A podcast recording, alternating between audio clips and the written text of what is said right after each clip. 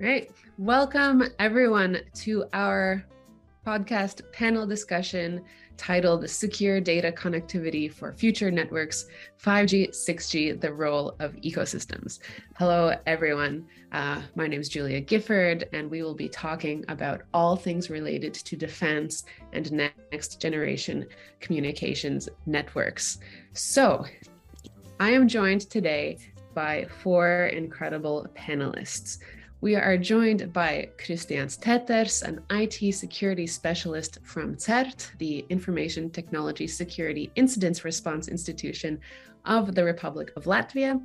We have Evis Taubet, a board member at LVRTC, the Latvian State Radio and Television Center, Kaspars Polaks, Head of Business Area Defense and Public Safety at LMT, Jesper Olsen, Director and Chief Security Officer in Northern Europe at Palo Alto Networks. And co moderating with me today will be Neils Kalniņš, Director of 5G Techritory uh, under the Electronic Communications Office of Latvia. Now, before we get to our questions for our panelists, I would like to ask Neils, who is the instigator, you could say, of this coming together about why he has brought together these people here for a discussion um, under the Riga Security Forum.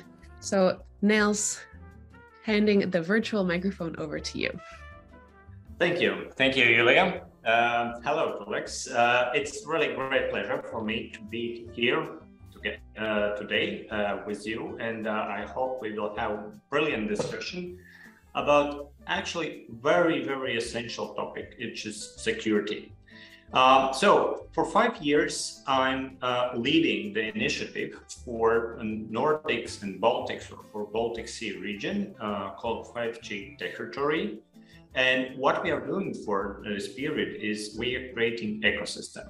What does it mean? It means that we see how difficult it actually is to deploy new technologies. And we see a lot of challenges related to legal frameworks, to new science, uh, to real business development, new business models, etc., etc. And we recognized very early that we should bring all parties together from the ecosystem, scientists, governmental people, and of course the industry to talk how to overcome those challenges, how to create safe world, safe environment for people who are creating technologies and also for people who are using technologies. Of course, this year is very special for not just Baltic Sea region, but globally. The Ukraine and everything that goes on raise up a new challenge, the security challenge. And that's the reason why we are here to discuss how we can cooperate with each other and what could be eventually a sense of ecosystem having the new situation what we have locally and globally. And i do hope that we can contribute to each other with valuable things and thoughts how we can create more safe and rational world around us and more safe for our citizens not just from military point of view, also from civil point of view. But as we can see today, all those things are actually very much related with each other. Thank you very much, Neil, for that lovely introduction. Now, I'd like to go around and around the panel and ask each panelist about what security as a topic, as a term, means to them. Because security is a broad term, and even within the Riga Security Forum, uh, it covers not only cybersecurity, but also defense, and all of that represented at both civil and military levels. So we have a variety of experiences here at the panel, and I would like to know which angle of security you are here to represent. So maybe I will start with Christian and ask you. Thank you, Julia. Uh, well, uh, since I represent CERT.LV, we, of course, we, uh, as an institution, we we care more about the cybersecurity, and in short, uh, it would be that uh, uh, we we tend uh, um, we tend to improve the Latvian cyberspace and uh, and also to our to our knowledge the the securities when both integrity, confidentiality, and uh, availability of information are met uh, with the appropriate policies, technical measures, organizational measures, and etc. So actually, that is the, the work that, that, that we are undergoing. Yes, thank you. Thank you very much. And then we can uh, move on to my next clockwise speaker. We have Evis Taube. Evi, could you tell us which angle of security you represent? Hello, hello, Julia.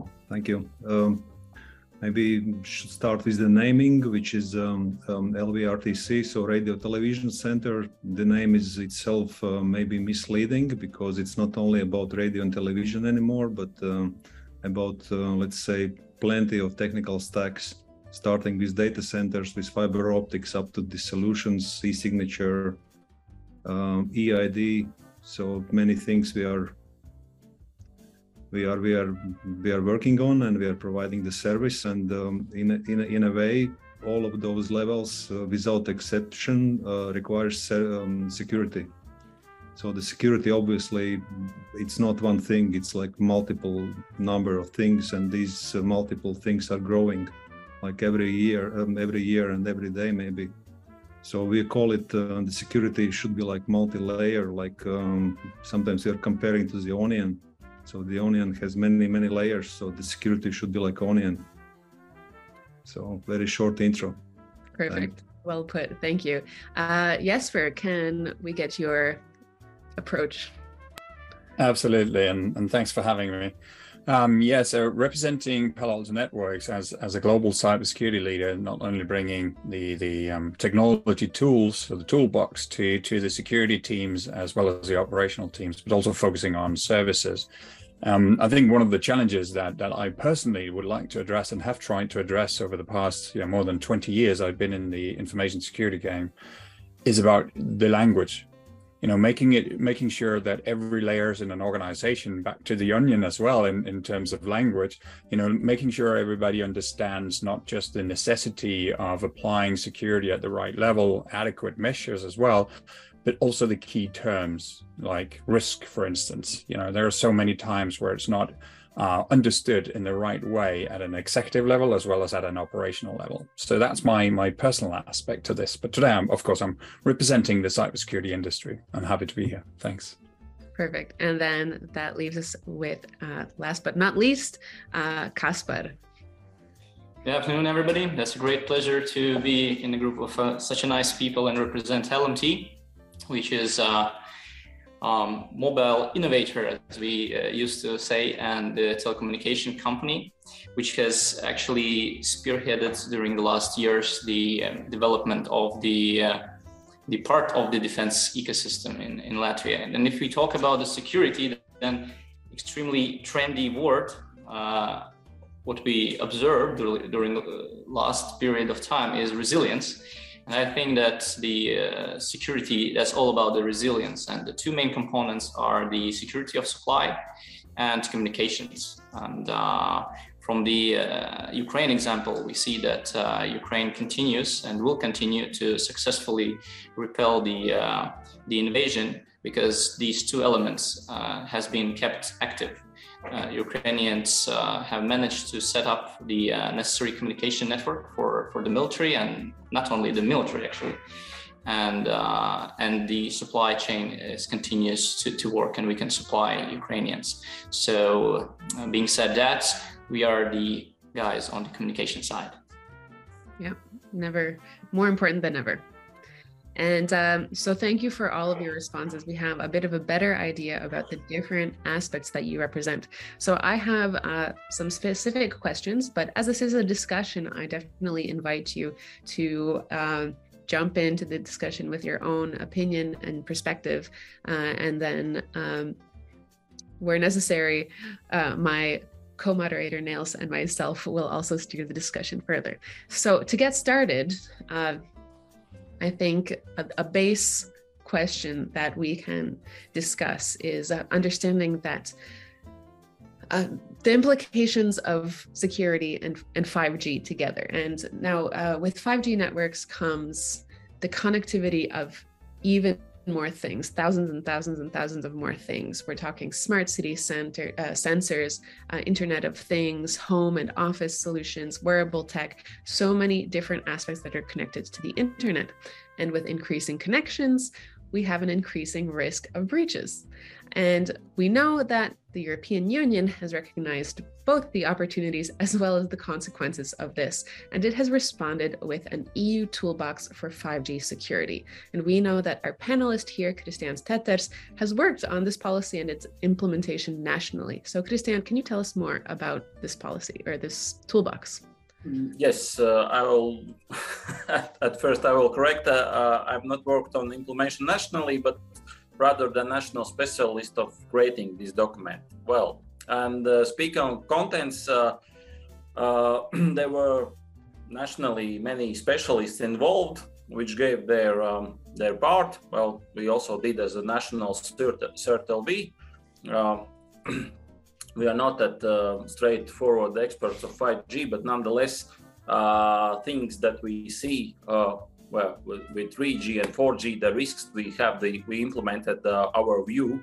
What should, uh, what measures should be taken? What risks are uh, are to be taken? What risks are to be avoided? And and what what measures have to be stepped up? So and and uh, actually the NIS cooperation group uh, in Europe uh, collected these views and came up with the document that transponded well all the member states expert view on on what are the main risks for 5G implementation and what are the main steps to be taken both in technical sense like uh, well uh, supplier chain uh, security, uh, technical measures to be implemented, etc. Uh, on governmental terms, audits, security measures, adhesion to standards, and and some additional measures. And and actually, it's the document. It's um, it's it's free to for each member state to undertake which part maybe the technical maybe the governments maybe some sort of really two out of three or four risks out of ten mentioned but nonetheless it, it, it should be uh, viewed as a guideline for uh, actually member states who want to securely uh, build their 5g uh, network but uh, i guess uh, maybe there will be uh, some technical specialist view maybe from LMT or, or, or other people. Thank you. Well, I think that this definitely represents kind of that first wave of okay we're implementing this new technology we need to have systems in place we need to have governing policies or at least guidelines and uh, what uh, I definitely want to ask Jesper about is as a representative representative of Palo Alto Networks, who were the first to create 5G solutions in general before many of these guidelines were available. I wanted to ask you about how that differed and what there were any challenges specific to address when compared to previous generation network solutions. Thanks, Julian. Yeah, yeah, good question. Well, you know, it, it doesn't really matter how we we define, you know, with industry specific terminology, whether we call it um, network slices or radio arena networks, multi-access edge environments, and all the other 5G um, expressions that all of a sudden become of interest to many organizations um, you know, there are still a lot of lackings for 5G security when we started talking about the design behind 5G and the opportunities, and businesses will always look probably a bit more optimistic towards the opportunities and then they forget about some of the challenges that might come from you know rapid development of those opportunities. And that was exactly what we see um, and saw at the time as well. Um, but some of the challenges was actually quite comparable to what we see in many enterprises, unfortunately, still see. So even if I split it up in the two sort of major categories um, of, of 5G uh, customer space, it's the enterprise and the service provider. The primary challenges was related to the capabilities within, you know, visibility, uh, prevention of, of known and unknown threats, as well as the response capabilities.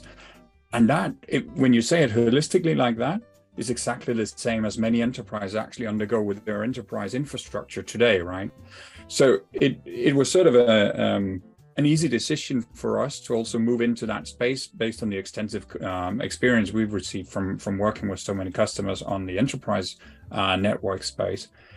But then, of course, the service providers differ a little bit, right? They their challenges evolve a lot around the business continuity. So always being having the services available, of course, um, it's a strict requirement.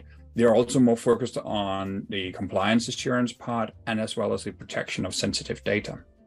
So for us, working around the visibility and control, even down to the, the localized data set that is now becoming a reality of, of 5G technology, as well as the prevention of known and unknown threats, um, and providing the real time uh, response capabilities across the entire flow in a data transaction. That was something that we really wanted to, to be a part of, and we saw a significant need for. Um, so, so just to, to yeah, sort of come back to your original question, it actually didn't differ that much in, in terms of challenges. Where it did differ was in understanding the necessity of having it from the very beginning. And that's where we wanted to inject the security component. Great. So you emphasize the similarity with or the experience from previous generation uh, technology and being able to apply it to this one. But if we're looking forward even further, we're looking at what I've understood is an unknown threat theoretically to um, cybersecurity, and I'm talking about quantum, quantum computers, which can break our concept of encryption altogether. So I guess briefly, I'll ask um, Jesper, is that something that cyber professionals are worried about right now? And then I'm going to move on to other panelists who have very direct experience with this. Yeah, I would say yes to some extent, right? That's the shortest answer I can give. We know that quantum computing, um, it is going to be, and of course, what it will mean to cryptography in general, um, or perhaps more specifically, what it will mean to existing implementation of encryption is going to be uh, something that most organizations should actually think about already. At the same time, you, you probably also know that as abstract as it might be to sort of phrase it and have the, the strategic conversations for enterprises at least, this is not on the strategic drawing board as of yet. There are a few organizations looking into it, but I would say predominantly in the government and defense space. But that is definitely also an area to be focused on this. Everybody knows in, in the defense um, arena, if you want to build a strong algorithm as well as having a secure implementation of that strong algorithm is can be a 5 10 maybe even a 15 year journey. Um, and to be honest those predictions that we see right now quantum computing is going to be a challenge in the current encryption schemes within the next 10 years. So i think we're we're slowly coming to that uh, the the the race right? So who's going to win the race if if we don't start it strategically as well and so moving from the theoretical to the practical, um, we have on our panel Evi Staub, who has been highly involved in a proof of concept demonstration here in Latvia. Evi, can you tell us more about uh, the demonstration and its implications? Yeah, thank you. Um, yeah, maybe to start to start with the, the, the answer, the short maybe background and um, maybe a few words more about this quantum computing, which is basically what it is. It's basically a brute brute force which is coming, and and and it will be well, who knows how many how many um, how much power it will have and uh, how it will break the Moore's law and uh, um, how how far it will continue. But um, the fact is, it is coming, and uh, maybe the security industry is uh, um, planning something. But um, what is worrying is that uh, the scientists, the scientists, scientists uh, are uh, maybe raising some flags already that um, the industry should be should be prepared and should do something and um, as we know, um, the fact is, fact is that there is a European project um, with um, uh, significant uh, funds uh, available, and uh, the fact is that um, um, not on not only LVRTC but with with our partners, we have applied for such a project and have been have been accepted, and the project is starting next year, or maybe even end of this year. And um, to prepare for that project, we had to make some proofs. And uh, the proof is basically the um, real uh, real life test we have done last year, it's one year ago already, with um, um, big help from um, uh, University Institute of Mathematics, and um, we did basically uh, put the let's say prototype prototype uh, quantum key distribution units. yeah, funny they are called uh, as in normal cryptography Alice and Bob. So we put those devices in um, uh, on our on our like standard uh, fiber optic link, and we have achieved the uh, let's say Latvian record. Maybe it's not it's not huge, but it's 34 kilometers, and uh, the thing works basically. Mm, of course, it's difficult, very difficult to understand how the spins and the spin the spin state of photons. How does it work? Um, so this is a very limited number of people who really understand this low level physics. But um, anyway, the thing works. So what it what it does basically, um, it um, gives us uh, plenty of super secure keys, uh, symmetric keys on both ends, which Alice and Bob only understands and uh, agrees together that these are valid keys. And we were able to change these keys like um, every 30 seconds for the normal data encryption. What, the, what does it mean? Basically, it means that even with a quantum computer, you should be within this uh, 30 seconds to break the key. Yeah. So in a way, nowadays and maybe we, for even coming years this quantum key distribution that would that we can call 100% secure and Evie, what implications does that have for LVRTC? Is that something that you will be implementing um, at a yeah, scale? Basically, this uh, the, the, project what we will be doing in next couple of years within this project. The the, the goal of the project is is is to build the uh, we call it the uh, the spine or, or, the backbone, uh, the backbone uh, on our like physical main locations, which are the obviously um, our critical data centers. So between the data centers and also with our partners, uh, there will be mm, this like limited um, limited uh, segments of the network because um, the fact, the fact is the units are not anymore the prototype types they are like a normal units but still expensive. So this industry is still um, only starting. Obviously within years um, who knows maybe in five ten years it will be like a commodity yeah but uh, nowadays it's still expensive. So we are putting it in place but on limited sectors on the most critical. Now, Evie, here's a, a, question that just popped into my mind. I, knowing that Latvia has the most um, the most amount of optical fiber connections per capita in the world. Um, does that change the rate of the possible rate of adoption? Mm, in a way, yes. Um, the fact is that uh, the fiber optics, uh, it's plenty. Of course, many um, enterprises have the, their own, and uh, um, we are not like unique like LVRTC, but the fact is that the, skills skills of our um, of our um, people of our uh, specialists these are on a very high level.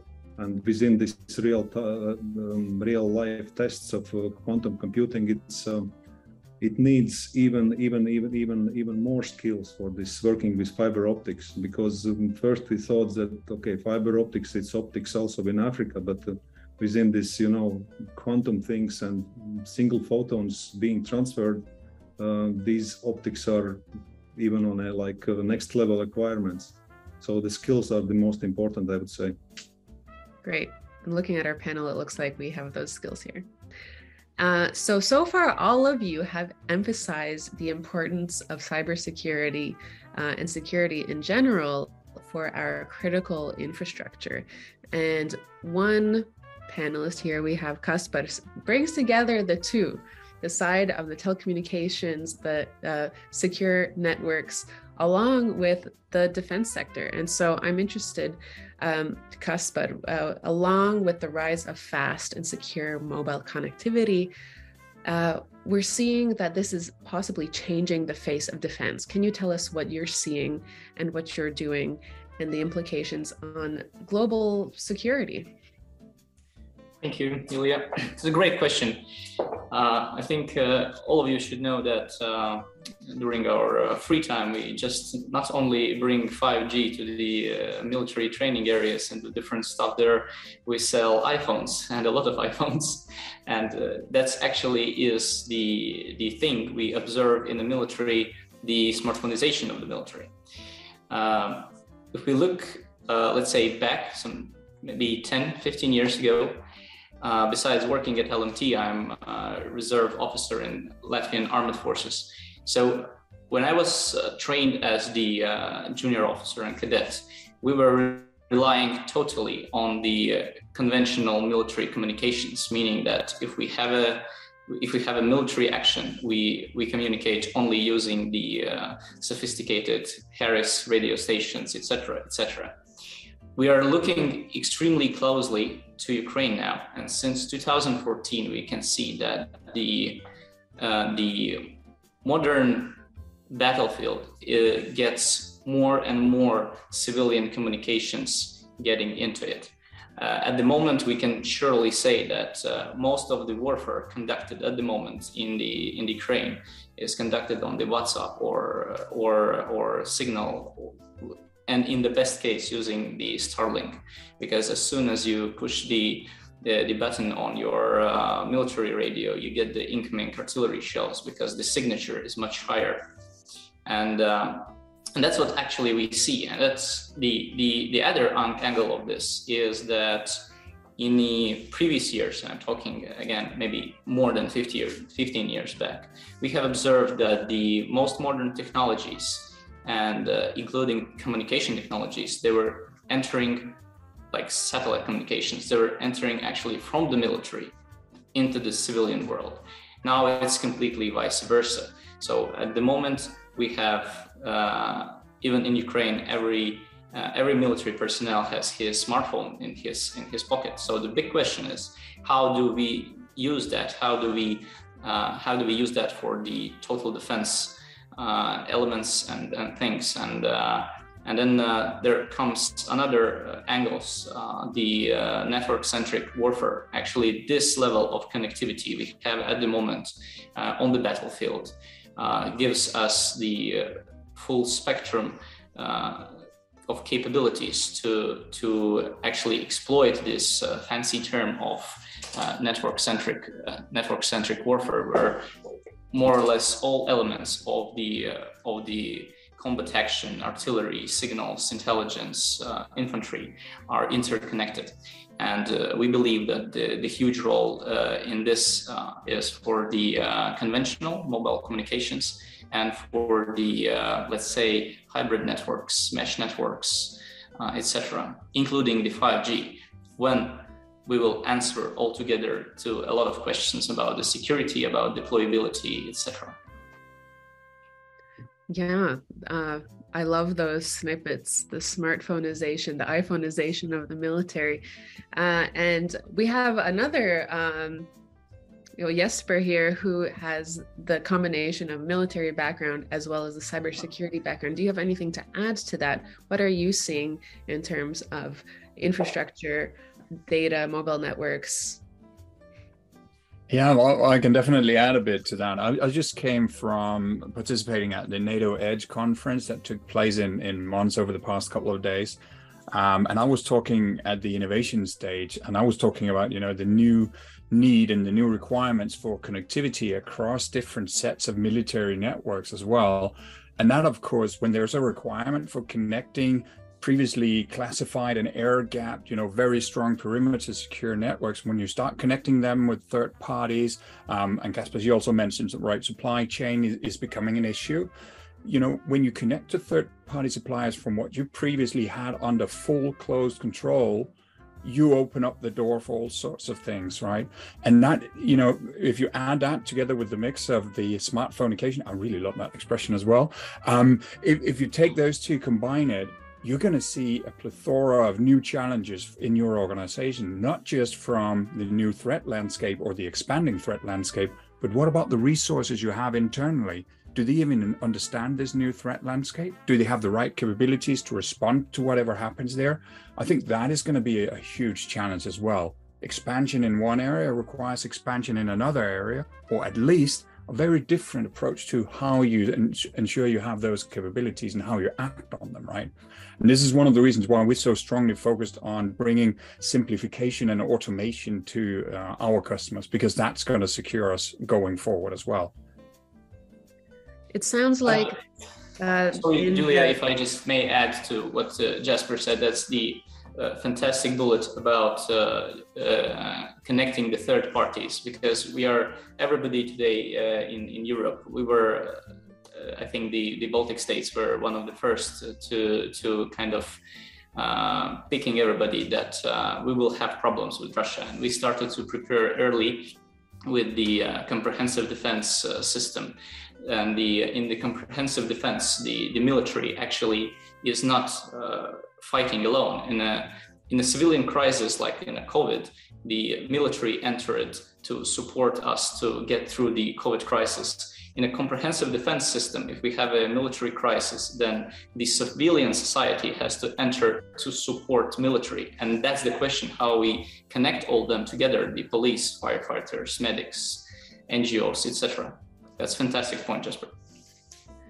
And it sounds to me like what you guys are saying is that we are becoming increasingly dependent on other aspects of the ecosystem and relying on them and on their security practices and on knowing what's going on with them to ensure general security level because as as the old saying goes you can only be as strong as your weakest link uh, and that emphasizes the point that we're trying to make here is that uh, we need to collaborate as an ecosystem to strengthen those different links. So I would be interested in going around the panel and asking each of you which links, in your opinion, need to be strengthened. Where should we be putting our focus uh, on improving our collaboration? Uh, so maybe Christian, you can start us off.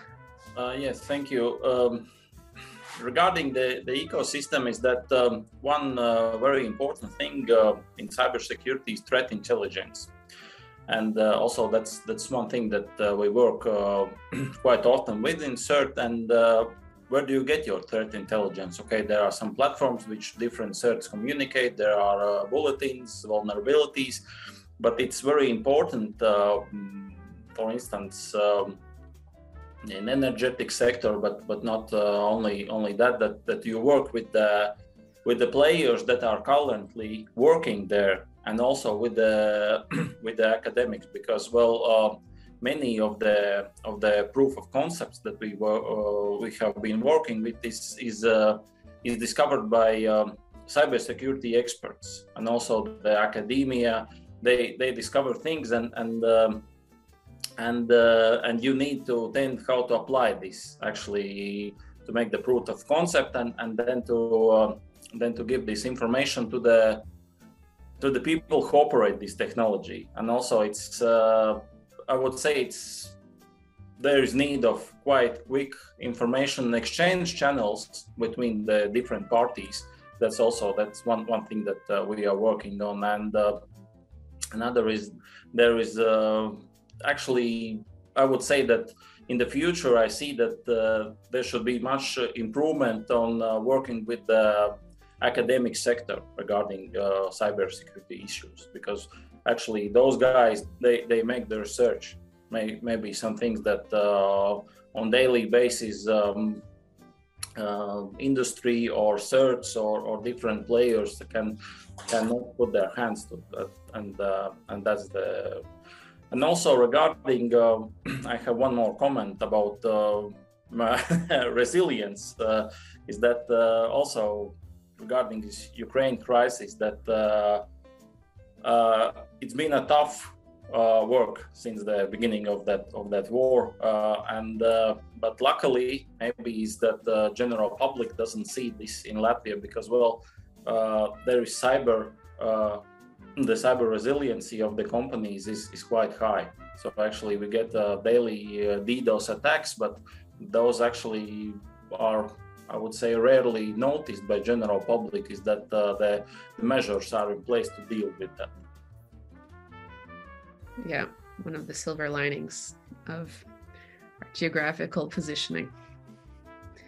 Um, Evie, would you be able to comment on what you think needs to be strengthened in terms of our ecosystem?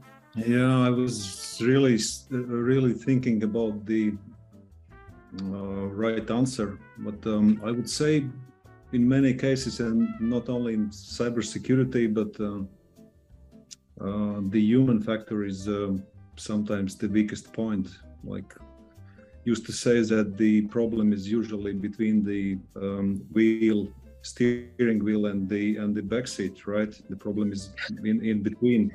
Um, so in like security, the highly skilled, highly skilled um, uh, uh, professionals um, are highly, highly, highly required. And and and the fact fact is, the Latvia and also Baltic states are mm, uh, not not not huge countries. And um, as we say in IT community, basically everybody knows everybody. But um, we need to really find those skilled workers at a young age, and um, it's very important uh, to have universities and technical colleges and uh, and, and and and and even even the even the schools um, and uh, it's it's a fact that we actually we also have found already a couple of couple of teenagers let's say. They are even not uh, finished the 12th grade uh, yet but uh, they are already so uh, enthusiastic and skilled and uh, like thinking out out of the box and have new ideas because the technologies and the and the like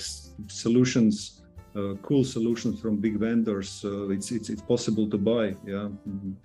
uh, it's it's only a question of the investment, but um, but the workers and the and the and, and the specialists and and great specialists. this this is I think top top priority.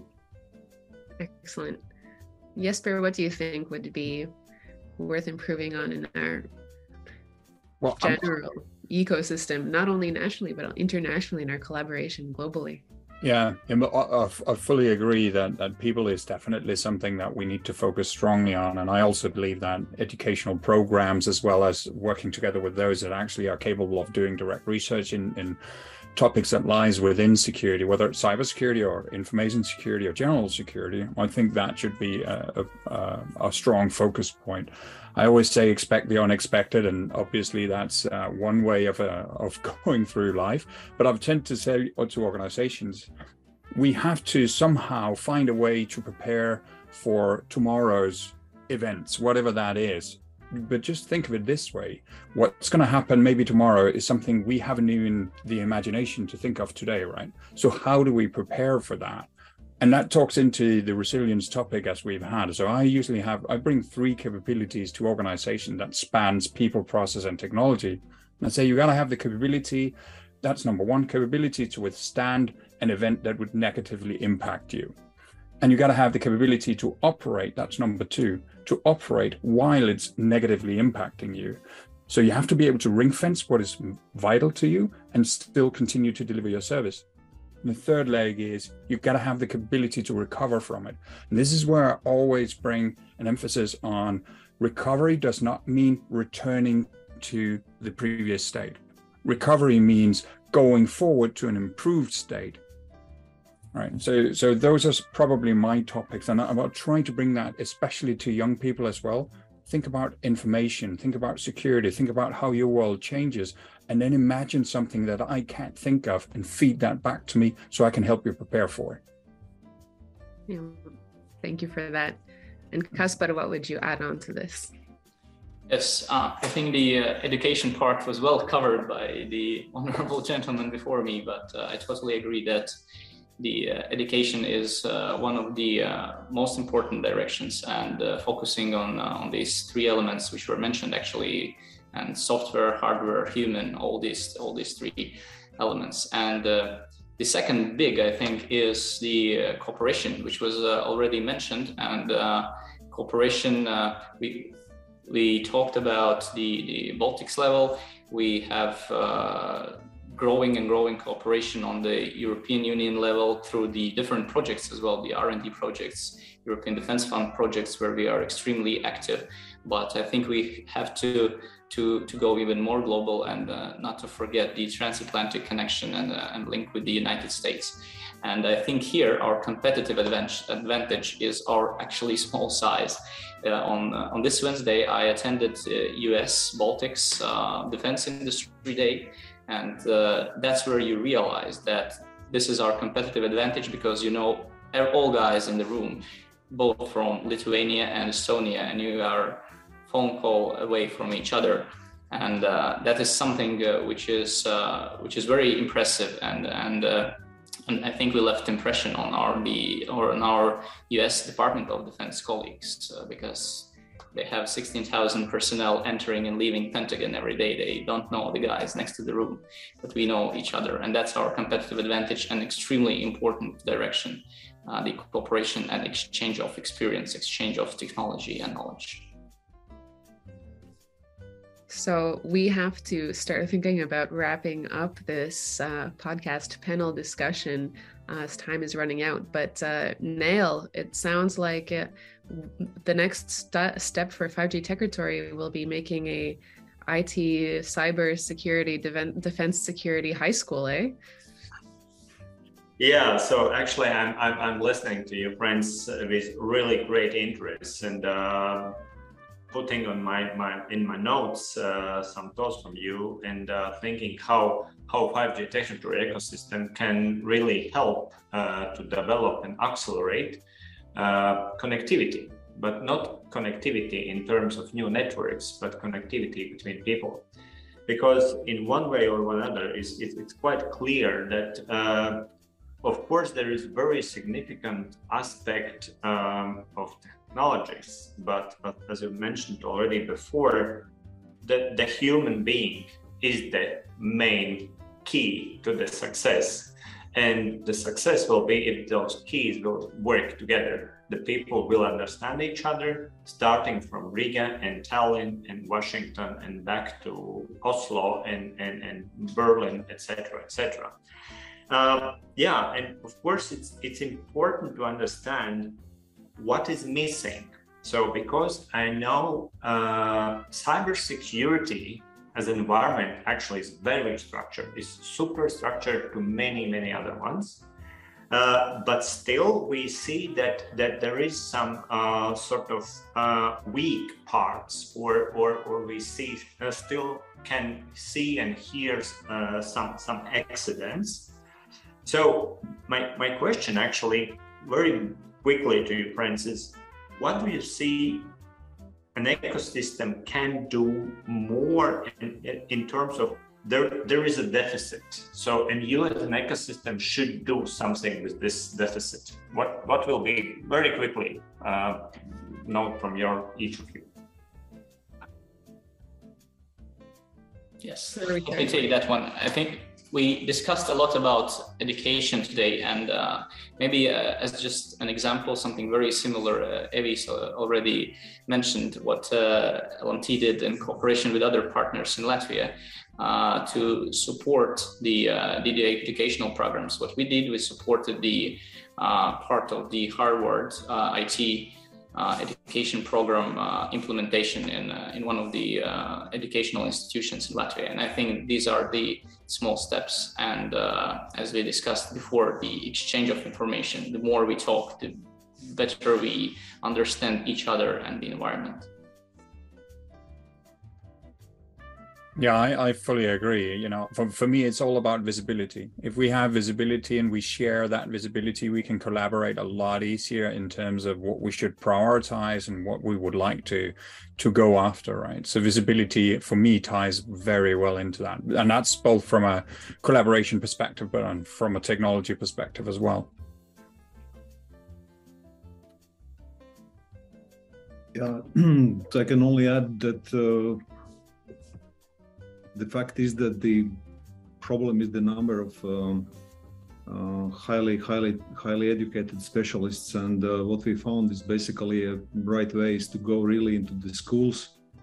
Um, the students are very interested, very, very enthusiastic, and uh, sometimes they are lacking the like uh, just a you know kickstart and uh, providing the right topic. And um, um, we can work together on some specialized programs to, to, provide some topics maybe some playground maybe some sandbox or something. Um, and then and then we are getting like um, uh, of course still juniors yeah but they are guys uh, to develop. And sometimes um, uh, it's it's it's a fact that the companies are afraid to um, train to invest in young guys and then they are leaving right? But this is the fact this is normal life. And uh, luckily they are staying within a country. Of course now the cyber cyber thing is a global thing right? There are many many workers working globally based in in, in baltics. That's fine but uh, um, another thing is um, we are still together like a community. I, I'm, I'm, saying it's like basically IT community together. It doesn't matter so much uh, are you a, are you a competitor? Are you a customer? Are you a partner, basically it's still the same same community.